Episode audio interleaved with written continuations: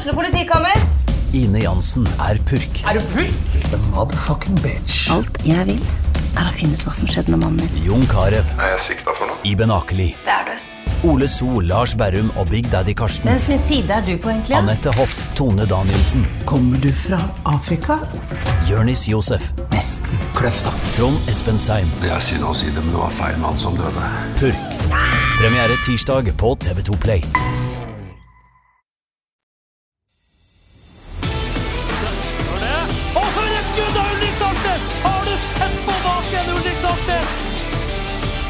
Så er det skåring, og så skårer Bodø-Glimt.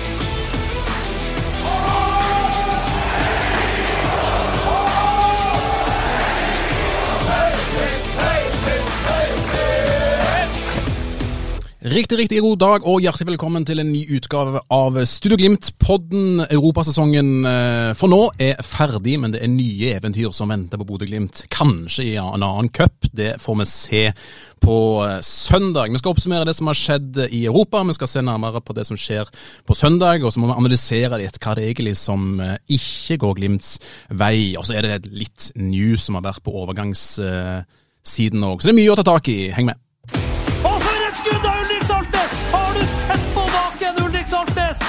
Studio i dag så har du undertegna Kjetil Rakkenes Anda sammen med Glimts eksperter i eh, Eller annet eksperter på Glimt. Freddy Thoresen og Trond Olsen. Velkommen tilbake, Trond. Takk for det. Har du det bra? Ja, veldig fint. Ja, så bra. Har det vært eh, store etterdønninger etter eh, forrige pod, eller får du gå i fred på gata i Bodø? Nei, jeg syns det går fint. Det er, det er jo fint at noen er enige, og, og noen er veldig uenige, og det, det må man tåle. Altså, fotball er følelser, og fotball er det man ser, og det er ferskvare. Så må man tørre å gi ros, og man må tørre å ta imot kritikk. Så det, det er veldig fint. Så annet i kommentarfeltet at det er noen som eh, oppfordrer deg til å finne ny jobb. Ja, men det er jo heldigvis bare en eh, ekstrajobb, det her. Så det, jeg har en annen jobb òg. Som jeg kan falle, falle tilbake på hvis det blir for ille. Det er godt å høre. Du Freddy, har du andre ting å falle tilbake på? Nei, jeg har ikke det, og eh, jeg er dårlig å få med meg det som er i kommentarfelt og sånn og sånn, men eh, det er nå- litt tilbakemeldinger her og der, og noen er enige og noen er uenige, og det er artig. Får du mye kjeft? Nei, jeg har ikke fått så mye kjeft. Eh, enda, i hvert fall. Det kommer vel. Jeg får ikke kjeft av fruen heller, så jeg vet da søren om jeg har litt sånn flaks. Jeg syns det er veldig hyggelig når jeg får, får, får meldinger på, på telefonen der det er mer trondsk i poden. Så det, det setter jeg jo veldig pris på. Så det, Ja, men det, det tar jeg med meg. Altså, folk følger med, og det er artig. Og engasjement er bra. Og det, det er bra for Bodø-Glimt, og det er bra for oss, og det er bra for denne podden. Og noen er uenige, og noen er enige, og noen er flinke å gi tilbakemeldinger, og noen er flinke å gi refs. Så eh, det engasjerer, og det er jo det som er halve moroa, for å si det pent. Og nesten hele poenget det er jo at det skal engasjere. Ja. Og så er det jo artig, vi krangla jo litt forrige gang òg, og det er jo artig. Uten at vi helt var klar over det. Men vi flirer nå når vi går ut. Hva for en tulling du er, Trond. men, men jeg kan jo bare melde, eh, melde tilbake. Det er Haaland, det er Martin Linnes, det er Mohammed Elunussi, det er Fredrik Ulbrunsen, det er Holmgren Gren Pedersen. Ikke sant? Jeg var jo ikke forberedt! Det tok tre minutter, så kom den. det, det er så bra. Altså, ok, ja, vi gir Molde æra for Erling Braut Haaland, sant, og, og salget ut. Han har neppe blitt den han er hvis ikke han hadde vært i Molde. Elionussi det samme. Var så vidt innom Molde og nødlanda før han fløy videre ut i den store verden. Fredrik Ulbrandsen, ja. En av mine personlige favoritter, som jeg gjerne skulle ha sett Bodø-Glimt hadde klart å lure til en kant her i Bodø. Han, men Problemet til Fredrik Gulbrandsen Trond, var jo da han spilte godt hver gang han var på banen, men så har han vært i klubber i Tyrkia hvor han har vært på banen annenhver kamp, ikke sant. Så de har, til og med der har de ikke skjønt det. Så Nei, og, Ja, men i den, i den, i den grunn så syns jeg han har lyktes, fordi at han er jo der ennå. Han er jo ikke kommet tilbake igjen. Nei, det, i- det i samme sant, farta. Men han, han er en av de som kunne ha spilt mer. Men eh, ja, Molde har gjort en del gode salg. Men det var kjempeartig å bare finte deg litt, og så og så ble det liksom Du måtte hjem og gjøre research, og du har vært i skiløypa og testa og fått, og det en eller annen kompanjong kommer forbi 'Har du glemt han Erling Braut Haaland har også vært i Molde?' Det er jo artig.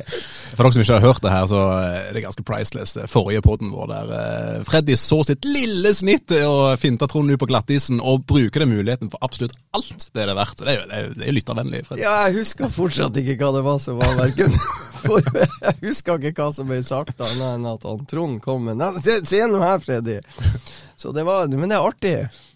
Sånn er det. Ja. Det, det må jeg bare ta. Hva For, det eh, var, diskusjonen var altså Nei, da, det- det- det- det- lykkes ikke ute. Ja, at i større grad så har Molde solgt spillere ut som har lykt, lyktes i større grad enn Ja. det Glimt-spillerne har gjort ute. Og det Poenget mitt var vel der at jeg, jeg mener at du lærer kanskje litt mer i Molde enn å bare spille et system som du blir veldig innprinta i, i Glimt. Og det, det er en av de store forskjellene. Og det verste av alt, der har du helt rett. Det er jo det som er, det er jo udiskutabelt. Vil dere høre det, hør på forrige episode av Studio Glimt-podden. Det er Ja. ganske Skal vi gjøre reklame for forrige episode? Det er jo nydelig. Da ser det skåring, og så skårer Bodø-Glimt! Vi må ta det som kanskje er ferskest. Nå har jo ting begynt å legge seg litt etter eh, det som skjedde på mm, skjedde i Polen på torsdag, nemlig at Glimt røk ut av eh, Conference League. Eh, Hvilke følelser sitter du med nå, Trond, når det har eh, sunket litt inn og kampen er ferdig for noen dager siden?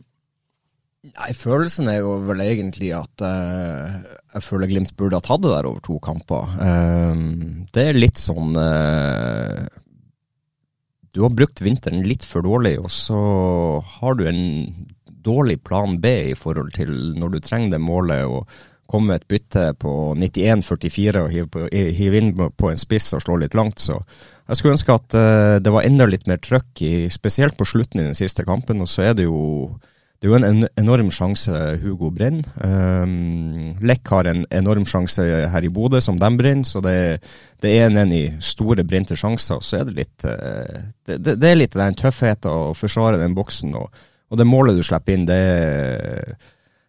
starter med en feil fra Faye Lund, og så bryter de og får ballen ut på kant og slår inn. Og der er ikke Glimt nok til å protekte boks. For å ta det med en gang, Freddy. Er det litt for lett å peke på Hugo? Altså Hadde han satt inn den, så hadde kampen sett helt annerledes ut? eller? Ja, kanskje Kan ikke skylde på Hugo alene, men uh, begge kampene. Men for å ta den i Polen, så, så syns jeg nesten Glimt uh, var enda bedre i førsteomgangen i Polen enn jeg, enn jeg syns de var i en veldig god førsteomgang på Aspmyra. Da begge de to førsteomgangene så syns jeg Glimt er såpass mye bedre eh, enn motstanderen at jeg, jeg, jeg skjønner fortsatt ikke hvordan Lech Poznan klarer å, å dra i landet der. Det går litt på rutine, sluhet og den slags, men Glimt burde ha utnytta denne muligheten. Glimt burde ha vært videre i Conference League, og de har egentlig seg sjøl å takke for. Momentumet er der, bordet er dekka, men de gidder ikke å Eller evner ikke å på en måte forsyne seg grådig av det det matfatet som eh, så de kunne. Så, for det, det, det er mange mange gode prestasjoner underveis, men av en eller annen merkelig grunn så har de da ikke evner, krefter og energi til å fortsette det de har gjort i første omgang, og inntil til, la oss si en 60 minutter. Jo, men så er det jo også De, de, de spiller seg mye frem til 16 meter. Og, og derifra inn så gjøres det feile valg. De klarer ikke å stokke beina. Og den siste pasninga er ikke god nok. Så det Du, du må få fiksa det der eh, inn i egen boks, egentlig på begge sider. Og, og det offensive der må vi ha enda mer killerinstinkt for å få satt den ballen i mål. For, for tilløp, tilløpene er der, men det utnyttes, ikke godt nok. Nå er du jo på årsakene, og det er helt klart. Siste tredjedel, der sliter Bodø-Glimt. De har slitt i fire kamper i Spania. De har eh, Jeg sier de har knapt skåra mål. Eh, De skåra et par mot eh, De skåra tre mot Wiborg. eh, Eh, tilfeldig, føler jeg. De, de sjansene og det spillet mot Wiborg hvor de virkelig spiller godt, der eh, presterer de ikke å skåre. Så er det litt tilfeldig, de skåringene de får i den kampen der. Og mot Viking var det veldig lite, mot Silkeborg var det veldig lite, og mot Kalmar var det null niks og nada. og de dominerer fullstendig her på Aspmyra, og det er alle ting Poznan som skaper kampens største sjanse. Så siste tredjedelen har Glimt mye å, å jobbe med. Og de har fire spisser, og det er ingen av spissene som skårer mål. Det kan sikkert være eh, årsaker til det, men eh, det er for dårlige legg fra eh, kantene. Det er for dårlig bevegelse i boks. Det er for lite samhandling eh, på den siste tredjedelen. Så Nei, vi, der, eh, det beste her var den vignetten, for det er jo et bevis på at Glimt har skåra. Men i 2023 har det ikke stinka skåringer av Bodø-Glimt. Verken i treningskamper eller i Conference League mot Lech Men, men, men, hva er det Farris viser på trening? For noe, noe må det jo være, siden han spiller såpass mye. Altså, han har spilt fem kamper. Null mål og ett rødt kort. Det er det han har eh, på CV-en i Glimt. Ja, jeg vet ikke hva han gjør på trening, for de har vært en måned i Spania og trent, så hva han har gjort der, det vet ikke jeg. Men jeg har sett et par treninger, eller eh, la oss si to uker med trening i Bodø, og jeg ser vel egentlig ingen spisser som skårer noe særlig mål. Vi så en Lars Jørgen Salvesen som skåra fire mål mot Junkeren. Eh, han er bakerst i køen. Så um, Og en annen en som jeg har hørt rykter om skåra mye mål eh, på trening, er Gilbert Komson. Han har da trent sin siste trening med Glimt. Så spissene eh, og, og, relasjoner og samhandling der eh, Nei, PMI sliter jeg fortsatt med å se skåre og gjøre rette ting på trening. Og ikke har vi sett det i kamp heller. Men hva er det som gjør at det er Salvesen som kommer inn? Han kom inn ganske seint, det er ingen tvil om det. Men hva er det som gjør at han kommer inn, og ikke en Espiro kommer inn, f.eks.? Nei, ja, Espejord kom jo inn uh, Espejord kom inn 20 minutter før.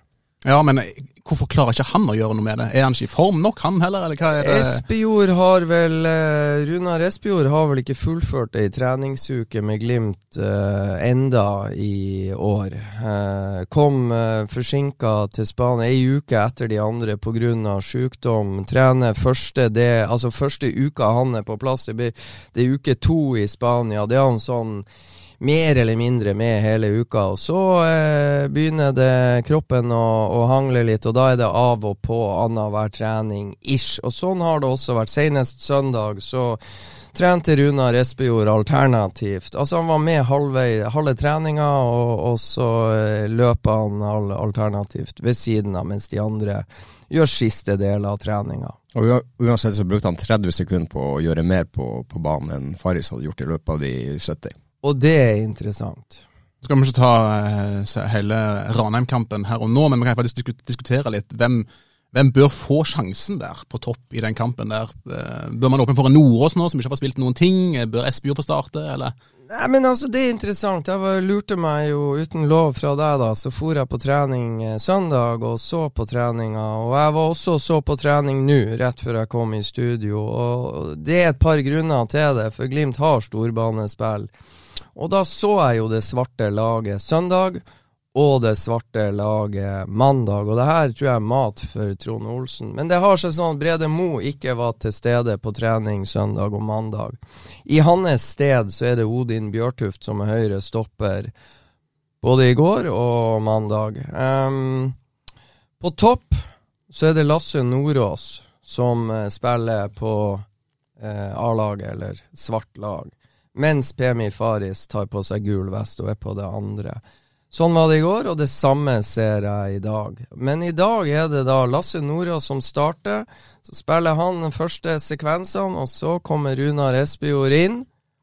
Og så går han ut, og så kommer Lasse Nordås inn igjen. Så et eller annet har skjedd fra de landa i Bodø etter å ha vært i Polen nå er det plutselig Lasse Nordås som er nummer én, med Runar Espejord som nummer to. PMI Faris er nummer tre, og Lars Jørgen Salvesen høyre ving på gult lag.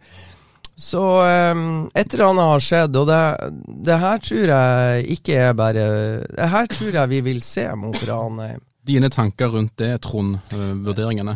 Vurderinga er jo det at uh, Lasse Nordås han var jo uaktuell uh, mot Lech Poznan, så han kunne jo ikke kommet inn i de kampene. Men Hvorfor er det PMI Fari som får plass i europacuptroppen, og ikke Lasse Nordås? Det, kan man jo spørre seg. Det, det, kan, man jo spørre seg. Og det er jo vurderingen de har gjort i, i vinter, og det, er jo det jeg også mener. at uh, Har de gjort en god nok jobb inn mot de her to kampene? Har de gjort de rette valgene? Og det er jeg ikke så sikker på at de har gjort. Det var vurderinger som ble gjort til europacuptroppen skulle meldes inn. Og så er det ting som tyder på, rett etter landing i Bodø, at de begynner å vurdere litt annerledes. Det er jo det vi på en måte konkluderer med. Og det blir interessant å følge eh, på trening fremover, og ikke minst eh, fra start mot Ranheim. Hva er det man får i en Nordås som man ikke får i en Faris, og motsatt?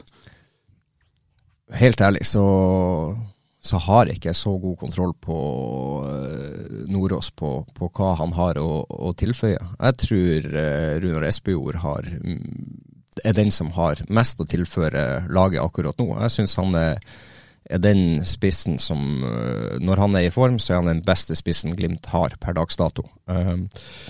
så jeg håper at han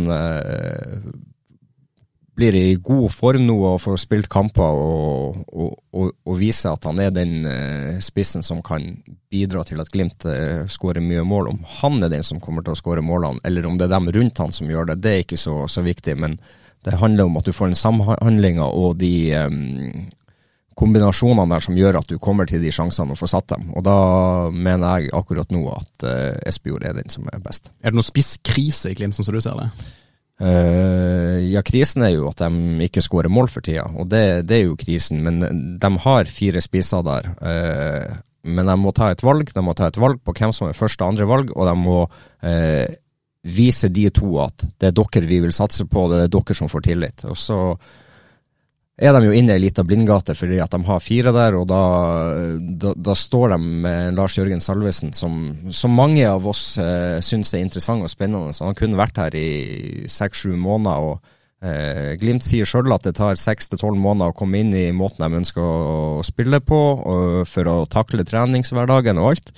Eh, og vi har enda noen måneder igjen til det har gått et år, så eh, Uh, om Lars Jørgen er så tøff at han klarer å stå, stå helt til, til sommeren, det, det, er et godt spørsmål om han gjør. Uh, det jeg mener det at han, for hans egen del, hvis han har lyst til å spille uh, ofte kamper, så må han finne seg en ny klubb før overgangsvinduet stenger. Det var du veldig tydelig på i forrige podd òg, men jeg vil bare ta det når du, når du først er inne på det. for det jeg tror vi skal tilbake, på, eh, tilbake til en pod som er spilt inn i høst en gang, tror jeg. der du, du, var egentlig veldig tydelig på det. Det var snakk om Salvesen da òg. Er han god nok? Hvorfor har det ikke løsna i Glimt? Så sa du bare gi han litt mer tid. Gi han en skikkelig sesongoppkjøring med Glimt, og gi han noen flere måneder. Så skal du se at han kan virkelig eh, blomstre.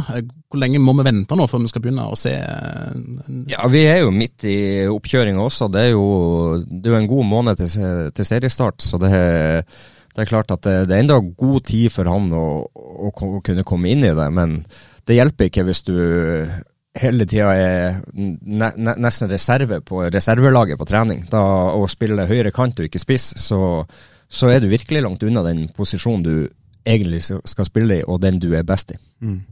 Du Freddy, du eh, har sett både mye av Nordås og mye av eh, Farris og Espejord og, og, de som er der. Eh, hva mener du Glimt får i en Nordås som de ikke får i Faris, og motsatt?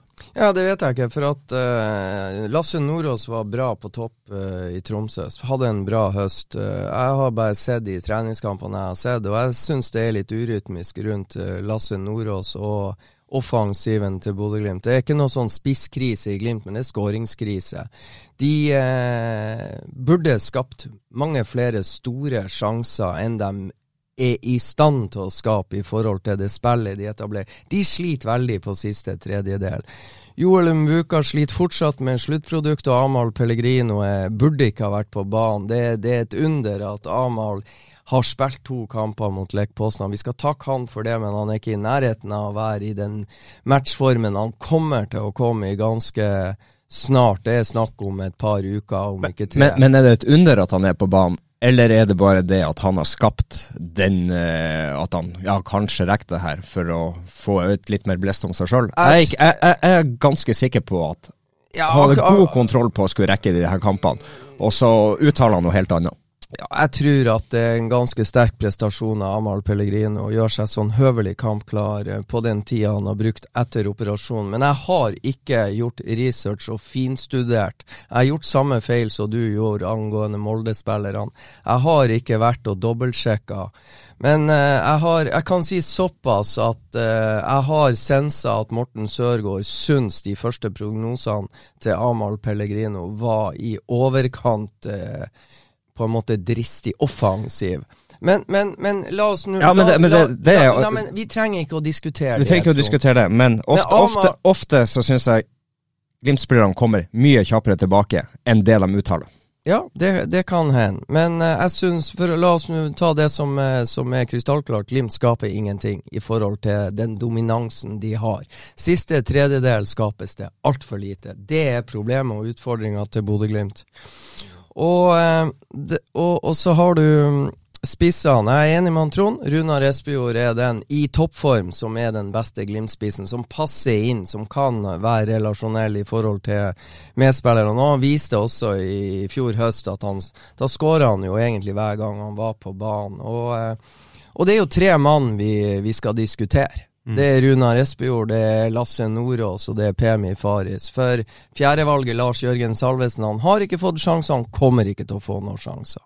Hva mente du, Trond? Jeg vil tilbake til det, med Pellegrino. Mente du at han er tilbake for tidlig? Har han meldt seg selv klar? Nei, nei da, jeg, jeg, bare tror det at de lager en sannhet om at de er ute mye lengre, og så kommer de virker det som at han kommer fortere tilbake, men de har egentlig kontroll på at han er i rute til å rekke de her to kampene, og det, that's it, men de lager det som en sensasjon at alle er tilbake. Hva tjener de på det?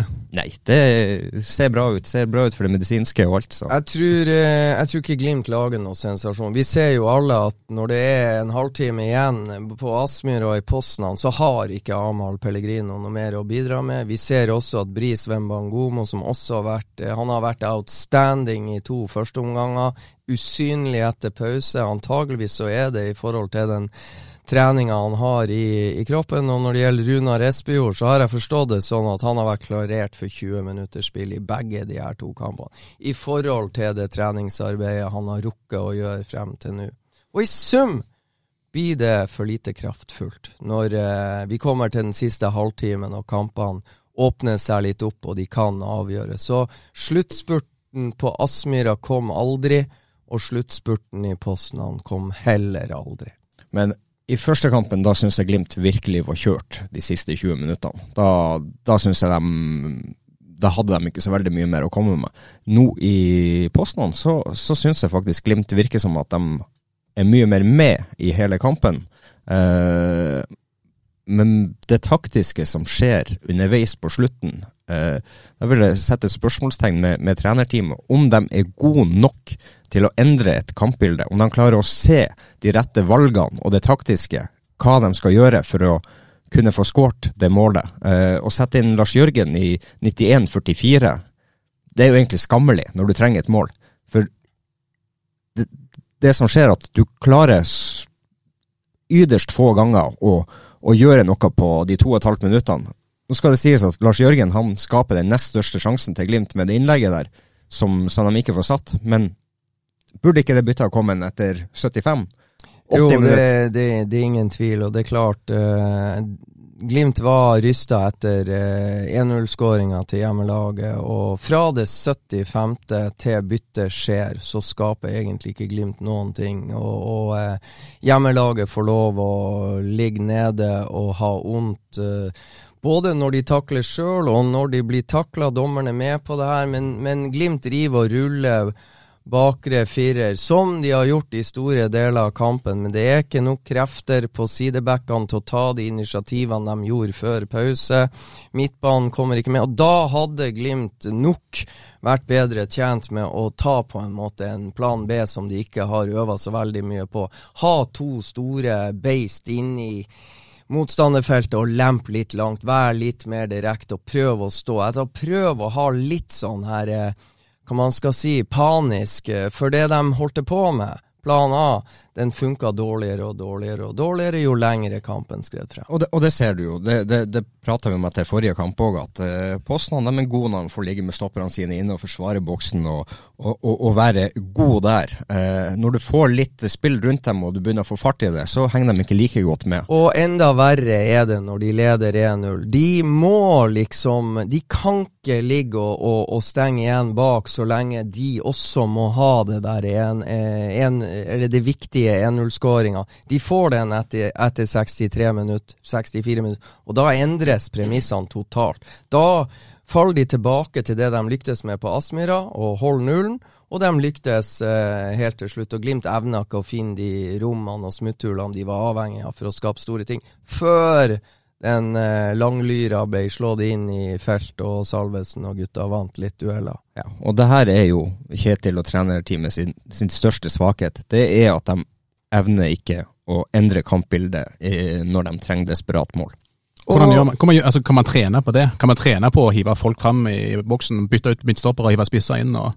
Du kan trene på å ha en plan B. Du kan legge om til en treer bak og få enda mer trøkk foran og, og, og slå noen lange baller. Og, eh, klart at eh, Når du må ha det målet desperat, og det funker ikke med å bare ligge og trille ball, da er du nødt til å gjøre noen grep som, som gjør at du kanskje kan bryte dem ned. og At du, at du får ei heldig scoring, eller om du er, er dyktig på det. det. Begge deler er lov, men du trenger den skåringa. Da må du også eh, ha noen flere strenger å spille på når ikke plan A funker. Og jeg tror, eh, jeg tror ikke det er noe du trenger å øve så steike mye på. Det er flere spillere som kan slå langpasninger i Bodø-Glimt, og det å rulle ut til høyre mot, i retning Brede Mo, så slår han langt opp mot et siktepunkt. Så det går an å diskutere de tingene på både videomøter osv. osv. Og, og ta noen sånne pra- Jeg savner også litt sånn initiativ fra gutta ute på banen, at også de på en måte kommunikasjon ute fra banen inn mot trenerteamet osv. Et eller annet må vi finne på. Det skjedde ingenting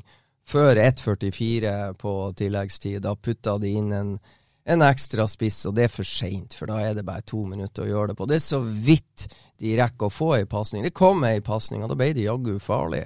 Så det forteller meg jo hvor, hvor fort gjort det er å skape noe på, på noe litt annerledes. Men er man for tro mot egen måte å spille på? Er man blitt så glad i og så, inn, eh, altså, så innsmurt i det at man ikke klarer å evne å spille på en annen måte?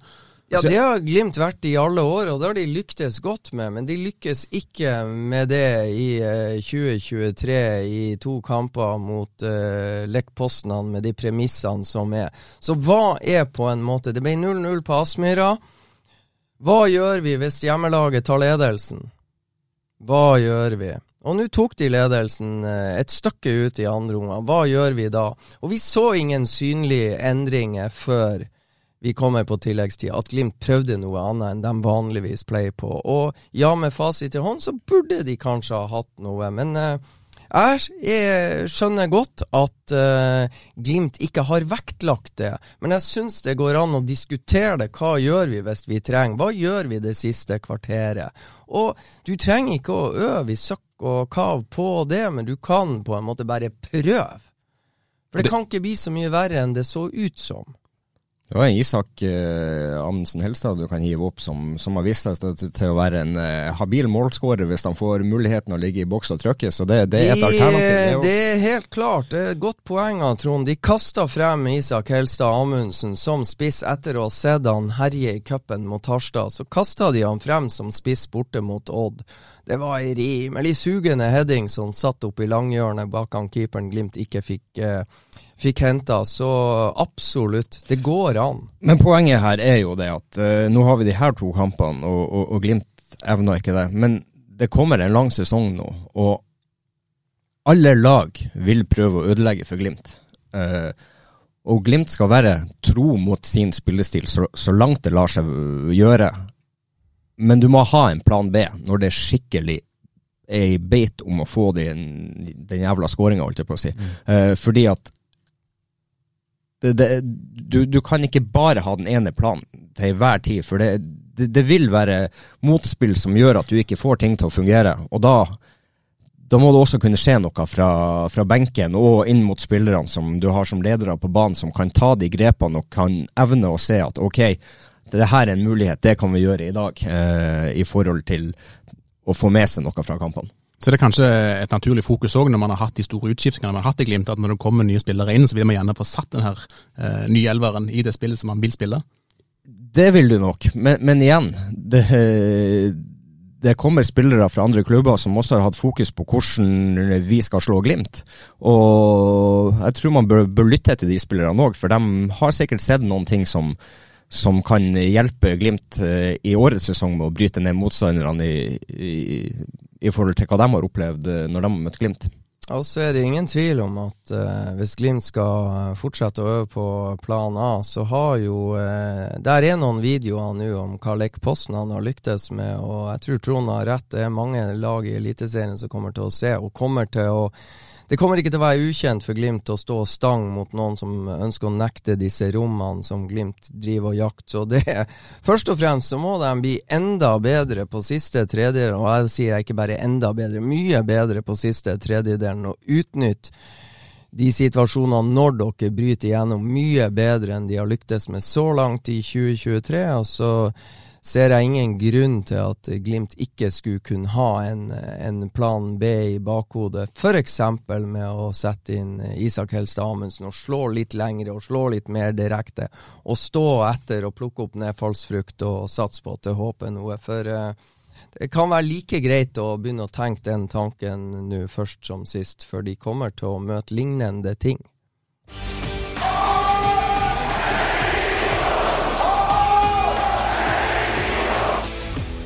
Vi tar oss litt inn på eh, en annen ting som jeg gjerne vil prate med dere òg om. og Det er jo eh, hvorfor evner ikke Glimt å avgjøre kamper som står og vipper? Altså, Vi har jo mange eksempler, i hvert fall store kamper. Eh, vi kan gå tilbake til Milan-kampen på San Siro. Du har cupfinalen, du har Dynamo Zagreb, til og med Arsenal hjemme, og nå senest med Lech Poznan. Kamper som står og vipper, det kan gå litt begge veier, men sjelden, i hvert fall jeg påstår, kommer Glimt seieren ut av de. Har ikke Glimt den evnen, Freddy, sånn som du ser det? Jeg syns det er bitte litt sånn uh, De hadde ikke evnen mot eh, AC Milan borte. De kunne, med litt hell, hvis Ulrik Saltnes hadde truffet, så kunne de ha fått uh, ekstraomganger der. Cupfinalen skapte de ingenting. Molde var det beste laget, hadde best gameplan. Jeg vet fortsatt ikke at Glimt skapte noe som helst på Ullevål som kunne blitt scoring i den kampen der. Om Tarlek Postnan her nå, så er det en del nøkkelspillere som kunne vært med, som ikke var med. Fredrik Bjørkan, Omar El Abdelaue osv. osv. Ulrik Saltnes, Sondre Brunstadfet. De har nå en eh, ti-elleve spillere som skal matches nå inn i serien. Eh, så de har jækla mye mer skyts enn de hadde å komme mot Lek Postnan. Men eh, så det å, å, dømme det der sånn Glimt har de ble nummer to i serien og nummer to i cupen, og de kom seg videre i Europa, så jeg vil jo ikke eh, på en måte dømme Bodø-Glimt i 2022 for at de ikke evner å avgjøre jevne, tette kamper. Vi, vi, kan vise til både det ene og det andre.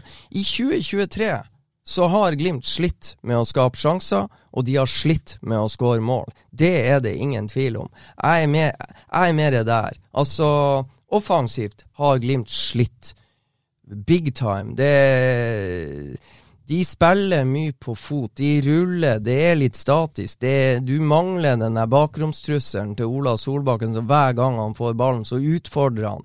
Du har ingen kantspillere som gjør det, og du har heller ingen kantspillere som treffer med, med pasningen inn i boks og trafikken der. Så eh, 2023 har vært en skuffelse, både i forhold til å skape sjanser som i situasjoner de burde skapt sjanser, og ikke minst de sjansene de skaper, eh, så skårer de for lite. Du Trond, syns du det er en akilleshæl i Glimt at de ikke evner å avgjøre disse vippekampene? Nå har jo Freddy prata så lenge at jeg glemte jo spørsmålet.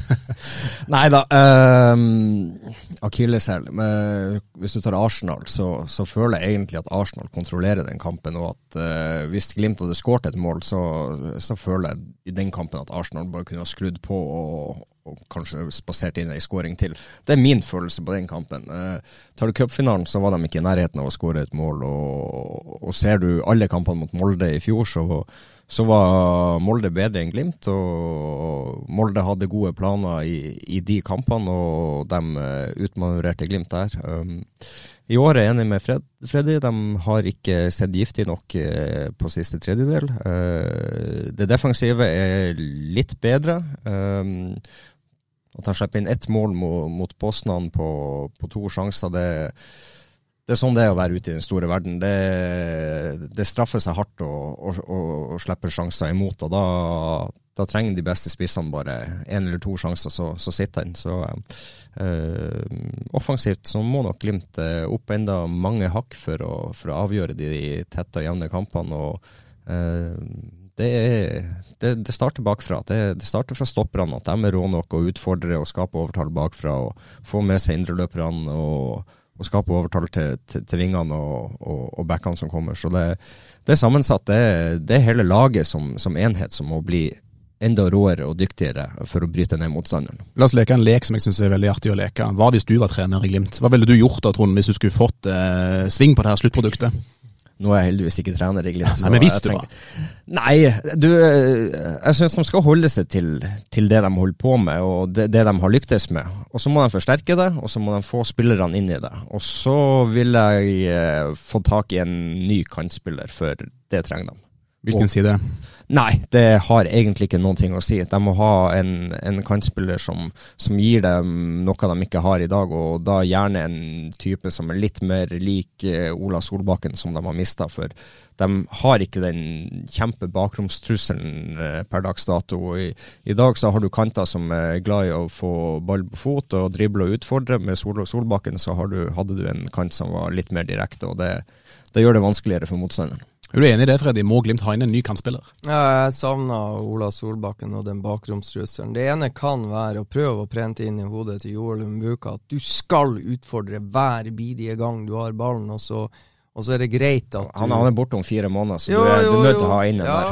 Ja, udiskutabelt. Jeg hadde henta han nå, eh, altså erstatteren. Eh, det blir veldig likt det de, eh, det de gjør så langt, så eh, jeg er enig i mye av det Trond sier der. Men så er det jo også et poeng. Eh, du kan jo se Bris. Bris gjør veldig mye bra. Han kommer på noen sugende raid offensivt av det. Men hver kamp så har han ti feilpasninger, miss, som skaper brudd imot, og det er skummelt. Mm. Og det var det noen som så i fjor òg?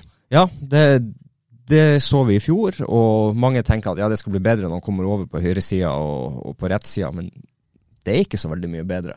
Han har de samme bruddene imot, og ja, han skal spille med risiko, og, og han skal det, men med alle de missene, eh, så får du ikke rytmen du ønsker i laget, og det er en akilleshæl.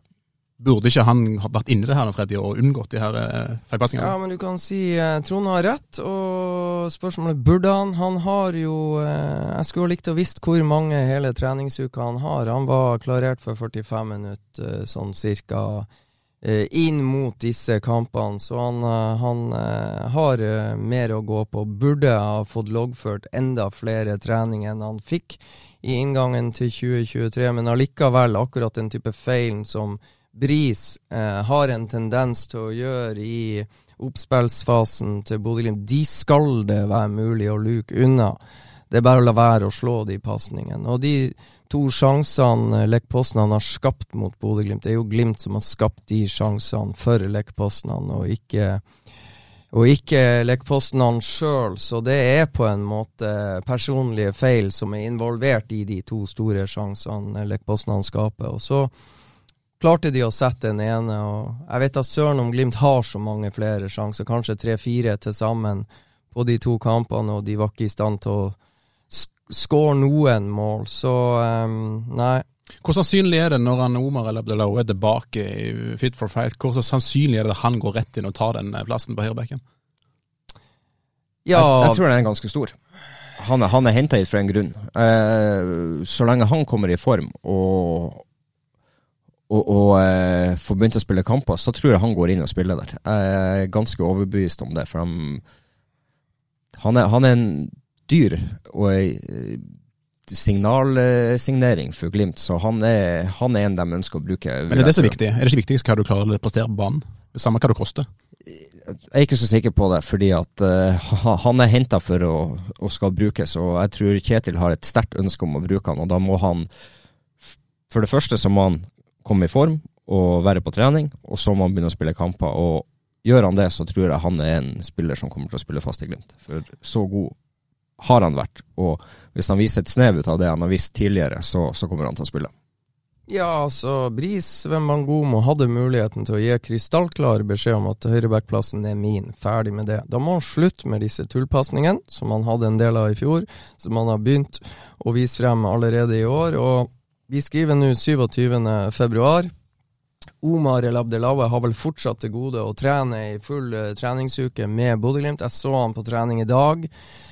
Eh, Så det blir jo litt opp til Omar, da. Han har nettopp gjort, eh, lagt bak seg sykdomsperiode nummer to etter at han ble Glimt-spiller. Men han må begynne å loggføre hele treningsuke. Hvis ikke så har han ikke sjanse til å komme i posisjon til å dytte Bris unna. Så før Omar har eh, tre treningsuker på rad, så er det vanskelig å svare på spørsmål. Jeg tror intensjonen Trond snakker om er riktig. Glimt har henta ham for at han skal spille. Det er i signalsignering som jeg tror han har lyst til å spille. Jeg tror Glimt har lyst til å bruke han, men eh, han må jo trene, da. Både ei uke og to uker og tre uker før han er i posisjon til å slippe til på banen. Og Så får vi se hvor lang tid det tar før han kommer seg i den posisjonen. Og så gjenstår det å se hvordan Brisveen Bangomo bruker mulighetene han får frem til Omar er klar. Har han vist mulighetene Eller har han vist seg godt nok nå, syns du, Bris? Jeg syns Brisveen Bangomo har vært gjort eh, to veldig gode førsteomganger. Omgang. Jeg liker veldig godt det han har eh, vist da, og så er det for meg fortsatt totalt uforståelig for hvorfor, hvorfor han bommer på når han prøver å vinkle inn til, til Patrick Berg, som han har gjort et par ganger, og skape brudd imot. Du kan si det, han har, han har, han har veldig store topper i kampene, men så har han veldig lave bunner òg. Så det er liksom Det er enten eller. Det det er sjelden det er det eh, solide Hva man skal si, altså den, den jevne prestasjonen. Jeg syns det er utrolig spennende. Altså førsteomgangen, eh, Begge førsteomgangene til Brisveen Mangomo og Adam Sørensen er det utrolig mye spennende i. Det er det vi har sett. Og så blir de, etter min vurdering, de blir bare borte i andre omgang. Det virker så de Altså, de blir mer og mer passive og mindre og mindre offensive, og på en måte når de har rom foran seg, så ruller de tilbake til Brede Moe når det gjelder Bris, og det samme Adam ruller tilbake til Marius Lode. Hvor de da i første omgang bare satt fart igjennom i korridoren der og, og skapte overtall, bidro til å skape overtallssituasjoner. Av en eller annen grunn slutter de med det de siste 35 minuttene, og det har de ikke råd til å gjøre. For hvis begge fremstår sånn de siste, ja, la oss si andre omgang, da, ja, da står en Fredrik André Bjørkan og Omar El Abdelawe klar, og da kommer de til å bære fyr på alle sylinderne, tenker jeg. Det er veldig hyggelig å høre òg at vi har en eh, saklig og god eh, debatt her, ikke noe ufint. Eh, Vi husker i fjor der han eh, Bris ble eh, ja, hetsa eh, ganske grovt, som Kjetil Knutsen tok han i forsvar for. Så gitt oppfordring til dere utenfor òg. Hold diskusjonen saklig og pen, så blir det så bra at det.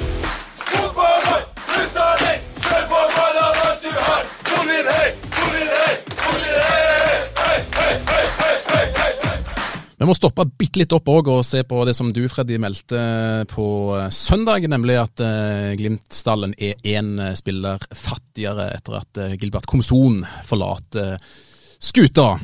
Ja, det, Gilbert har i hvert fall bekrefta at han eh, stikk til Sandefjord. Han for i går, og jeg spurte han hvor lang kontrakt han skulle signere. Nei, det vet jeg ikke, men det artigste var jo når han i garderoben takka for seg. og Kjetil Knutsen spør du, eh, er det Sandefjord du skal til. No, Kjetil, it's only rumors and I follow the rumors. det er jo et herlig, legendarisk svar, da. Og da hentyder han sikkert til en eller annen melding på, på TV 2 om at han var på vei til Sandefjord. Og Det er jo en kant som forsvinner, Trond. Begynner det å gå litt tomt av kanter nå? Du har sagt nå tidligere at de må ha en til. Ja, men han eh, har jo ikke spilt så forferdelig mye heller det, det siste halvåret i Glimt. Han har jo vært utlånt, og han har vært litt her og der, og han har ikke så veldig mye tillit i Glimt, så Uh, han er jo heller ikke den kanten jeg tror som hadde kommet først inn. Så um, uh, for hans del så, så er det nok fornuftig å, å pakke bagen og, og gå videre for å, for å spille mer, og så må Glimt finne en, en sterkere kant. Et, et bedre alternativ, og, og gjerne et solid førstevalg som kommer inn. Og Da må man jo gjerne lete i Norge, i og med at det internasjonale vinduet er stengt. Fins det alternativ i Nei, du, Norge? du kan jo hente hvorifra du vil. Inn til Norge kan du hente spillere uansett. Og det, Du kan hente hvor du vil. Okay. Inn, til Ah, til misforstått. Norge, inn til Norge så kan du hente hva som helst. Men eh, Glimt har på høyre Joel Muka i fire måneder, som han Trond eh, påpeker, og Nino Sugeli. Og så har du Sondre Sørli og Amahl Pellegrino. Det er de fire kantene de har, og foreløpig er det jo etter min vurdering i de kampene jeg har sett i 2023, ingen kantspillere som har overbevist meg. Fins det et potensial i Nino Sugelli? Eller hvor stort er potensialet, sånn som du ser det? Jeg hadde ønska Ja, i Spania så dro han frem eh, to skåringer ut av, eh, intet. Eh, det er bra. Han har skåra to mål, jeg må gi han det. Men eh, jeg syns uh, til nå, mine vurderinger av han, det blir altfor mye støttepasninger, støttepasninger, skal ha ball på fot, stenge rommet uh, og, og sinke spillet. Uh, så Den blir, ikke, den blir ikke den rytmen i, som, som, du ønsker i det offensive med han. Ja. Gilbert forsvant ut. Er det flere du Freddy, ser som kan forsvinne ut før vinduet stenger? Ja, det er det. Sigurd Kvile kan forsvinne. Isak Helstad Amundsen kan forsvinne. Lars Jørgen Salvesen kan forsvinne. Vi får se hvordan det blir med Gaute Vetti.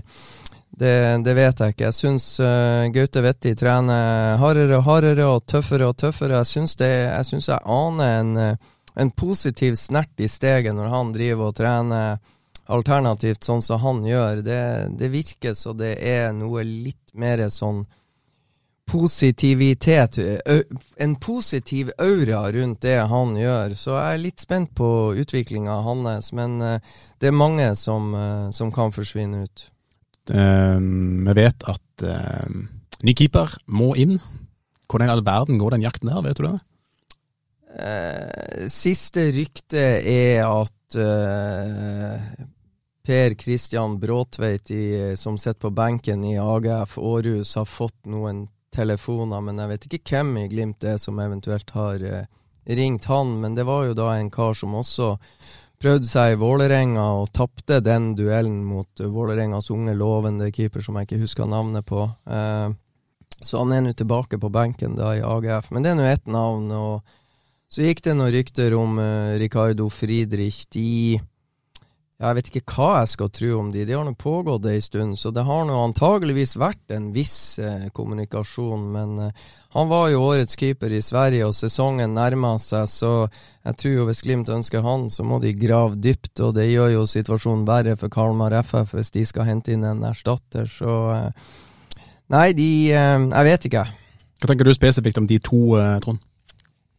Ja, Per Kristian høres jo ut som ei fornuftig signering som du kan kan hente inn som, eh, som en um, utfordrer til uh, Faye. Um, Ricardo han um, er litt usikker på. Han er 30 år, han er, har vært der tidligere. Um, jeg skulle ønske at de um, fant en keeper med, um, som var på et litt høyere nivå enn begge de to.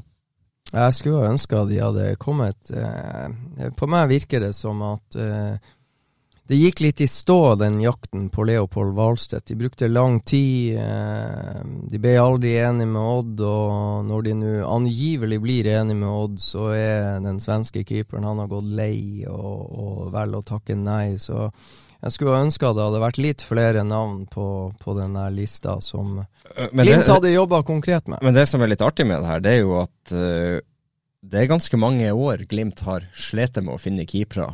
Og når de har uh, funnet keepere, så, så, så, har de faktisk blitt ganske bra. Så har de truffet gull. ja. ja. Ricardo han kom også seint etter ei lang, lang, lang jakt. og til slutt så dukka de opp med han, og ja, han, uh, han ble jo en suksess for Glimt. Uh, det samme kan du si med Nikita. Det, det tok ganske lang tid med han òg før han ble et førstevalg og, og ble en suksess. Så uh, kanskje de klarer klar å finne en sent nå òg som, som, kommer inn og, og overrasker alle.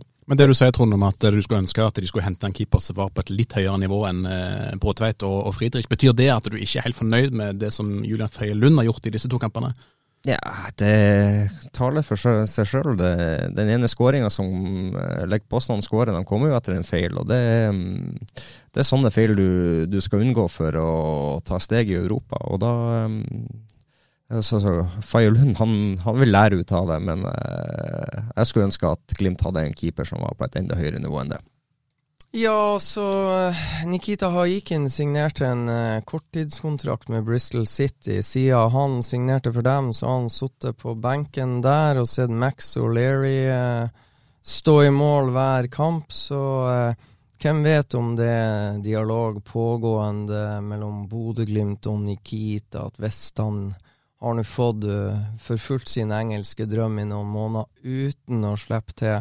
Jeg vet ikke, kanskje blir det mer fristende å komme tilbake til Bodø-Glimt, men eh, jeg tipper det er noe Håvard Sakariassen og Jonas Uland Kolstad er klar over. Jeg tipper de de prater, så gjenstår det jo å se da hvor, hvor mye Nikita Aikin får markedsført seg eh, fra benkeplass i Bristol City. Men det jeg vet, er nemlig det at Nikita Aikin spilte seg jo inn i troppen til Russland.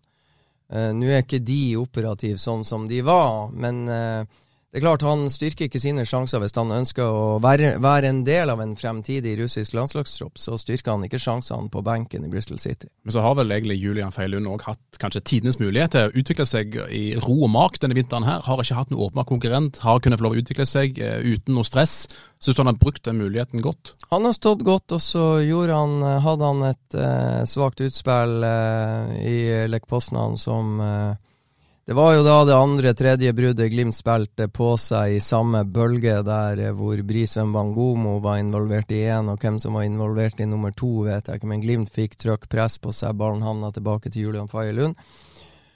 Eh, ble litt overmodig med pasninga si, og det kom et nytt brudd, og da klarte ikke Glimt å stå imot. Så han har sett bra ut, eh, bortsett fra eh, det som resulterte til slutt i et baklengsmål. Ulrik Saltnes! Har du sett på baken, Ulrik Saltnes? Ja, Sesongen er jo faktisk i gang. Eh, selv om de er ute av Europacupen, Glimt, så er det hjemlig cup allerede søndag, Freddy. En åttendelsfinale eh, borte mot Ranheim. Eh, Spiller om retten mot å møte enten Viking eller Rosenborg da, i en kvartfinale. Hvilke forventninger har du til Ranheim-kampen? Det blir veldig spennende. Jeg så Ranheim tappe 0-1 i siste treningskamp mot Byåsen, lokalrival. De har uh, fått tidligere Glimt-trener Kåre Ingebrigtsen, som kom til Bodø-Glimt fra Ranheim foran 2008-sesongen. Um, han er tilbake i Trondheim, så de har en rutinert og god trener som vet hva Glimt ønsker å prøve på. Det Ranheim-laget jeg så som spilte mot uh, Byåsen det var et veldig, veldig veldig ungt uh, Ranheim-mannskap, og Mats Reginiussen er nå i troppen og var ikke med. Og uh, barnebarnet til Nils Arne Eggen, uh, Eggen Rismark, var jo vel ikke med. Og uh, også tidligere Glimt-spiller Erik Tønne er i troppen. Så de har litt mer skyts enn de hadde i den treningskampen der. Så det blir veldig spennende å se. det tror det blir eh, stor interesse rundt det, i og med at det er første obligatoriske kamp til Kåre Ingebrigtsen, og et eh, revansjesugent eh, Glimt-lag som kommer på besøk til Trondheim mot en lillebror i Trondheim som absolutt ønsker å få en pangstart på sesongen sin med å slå ut en stor favoritt. Skal Glimt slå Ranheim?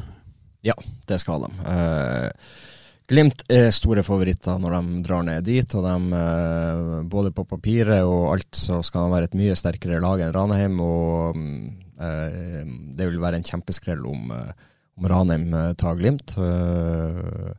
Så er det opp til Glimt at de er profesjonelle, at de er godt forberedt, at de drar ned og forventer at det, det, blir en tøff kamp, for det kommer det til å bli. Og så tipper jeg det er et Ranheim-lag som kommer til å ønske å ødelegge for Glimt og frustrere Glimt. og da da er det viktig for Glimt at de eh, lar det prelle av seg, og de eh, bruker energien på, på, det de kan gjøre noe med. Og så er nok Ranheim litt pissed, for at eh, kampen ble jo flytta til femte pga. at Glimt eh, kanskje kunne gå videre i Europa. Det gjør de ikke. Eller det gjorde de ikke, så det er jo den eneste cupkampen som spilles denne søndagen, da, og så spilles alle de andre helga etterpå. og eh, det er klart det. Ranheim har garantert lyst til å få besøk av Rosenborg i neste runde. Hvis Rosenborg skulle klare å slå ditt kjære Viking, Kjetil Anda, så eh, Men eh, det er klart, hvis vi ser eh, på treninga i dag, så ser det ut som Glimt kan stille med Brisveen Bangomo, Odin Bjørtuft, Marius Lode og Fredrik André Bjørkan fra start. Og Hugo Vetlesen, Patrick Berg og Albert Grønbæk og Joel Mvuka, Lasse Nordås, Nino Sugelje. For det Amahl Pellegrino trente litt alternativt, han sprang ganske heftig. Så vi får se. Glimt kommer til å stille et godt lag. Ja, men jeg tipper Amal kommer til å spille den kampen. Eh, det, det er enda lenge til, det er nesten en uke til den kampen går, så det, at han springer kraftig i dag, det, det, betyr nok at han er klar til søndag. Eh, Brede Mo tipper har lyst til å spille den kampen òg, det er i, i Trøndelag. Så får vi se hva Glimt finner på i mellomtiden. der. Etter den kampen så er det jo fortsatt en måneds tid igjen til seriestart, så det får vi bare vente og se. Det er ingen som vet ennå, Freddy, hva de skal finne på, så vidt jeg har hørt. Nei, det er ingen som vet. Og så syns jeg er kjempeoverraska og positiv, og Trond Olsen var saklig i dag, så det er bra. Det er ikke alltid det. Jo. Og ingen eh, uenigheter og ingen krangling. Det er veldig bra. Tusen takk. Kjempeuenig. Ikke mer enn vanlig. Jeg syns det er fint. Jeg. Det er veldig bra. Da sier vi tusen takk, Trond Olsen, for at du kom, Freddy Thoresen for at du kom, og ikke du minst, du kjære lytter som lyttet på. Finn gjerne mer info om eh, Glimt på an.no hos oss, og så kan du selvfølgelig følge kampen per tekst, iallfall på nett hos oss på søndag. Takk for følget, ha en riktig god dag videre. Og for et skudd av Ulrik! Har du sett på baken, Ulrik Saltnes?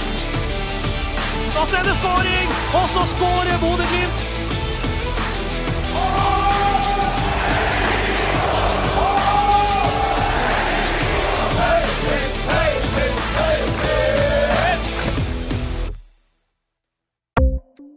Ukens annonsør er HelloFresh. HelloFresh er verdens ledende matkasseleverandør og kan være redningen i en travel hverdag. Mange av oss har nok vandret i butikken både sultne og uten en plan for middagen, som ender med at vi går for de samme kjedelige rettene gang på gang. Middag burde være dagens høydepunkt. Som HelloFresh kan du nå velge mellom 25 ulike retter hver eneste uke, eller få HelloFresh til å sette sammen menyen for deg. Dette gir deg muligheten til å prøve nye og spennende retter alene eller sammen med familien. Du velger antall porsjoner og får alt levert på døren på et tidspunkt som passer for deg. Oppskriftene er enkle, og maten er lett å lage både for store og for små. Ved å få alt levert hjem får du også mer tid til å dele matgleden med familie og venner. Kanskje det frister med asiatiske tacos eller greskinspirert kylling? Da kan jeg anbefale deg om å gå inn på hellofresh.no. Her kan du bruke koden FOTBALL og få opptil 1779 kroner i rabatt på de første fem matkastene hvis du ikke har prøvd HelloFresh tidligere. Du kan også bruke rabatten hvis du har vært kunde og stoppet abonnementet ditt for tolv måneder siden eller lengre. Gå inn på hellofresh.no og bruk koden FOTBALL. Har du et enkeltpersonforetak eller en liten bedrift? Da er du sikkert lei av å høre meg snakke om hvor enkelt det er med kvitteringer og bilag i fiken, så vi eh, gir oss her, vi. Fordi vi liker enkelt. Fiken superenkelt regnskap.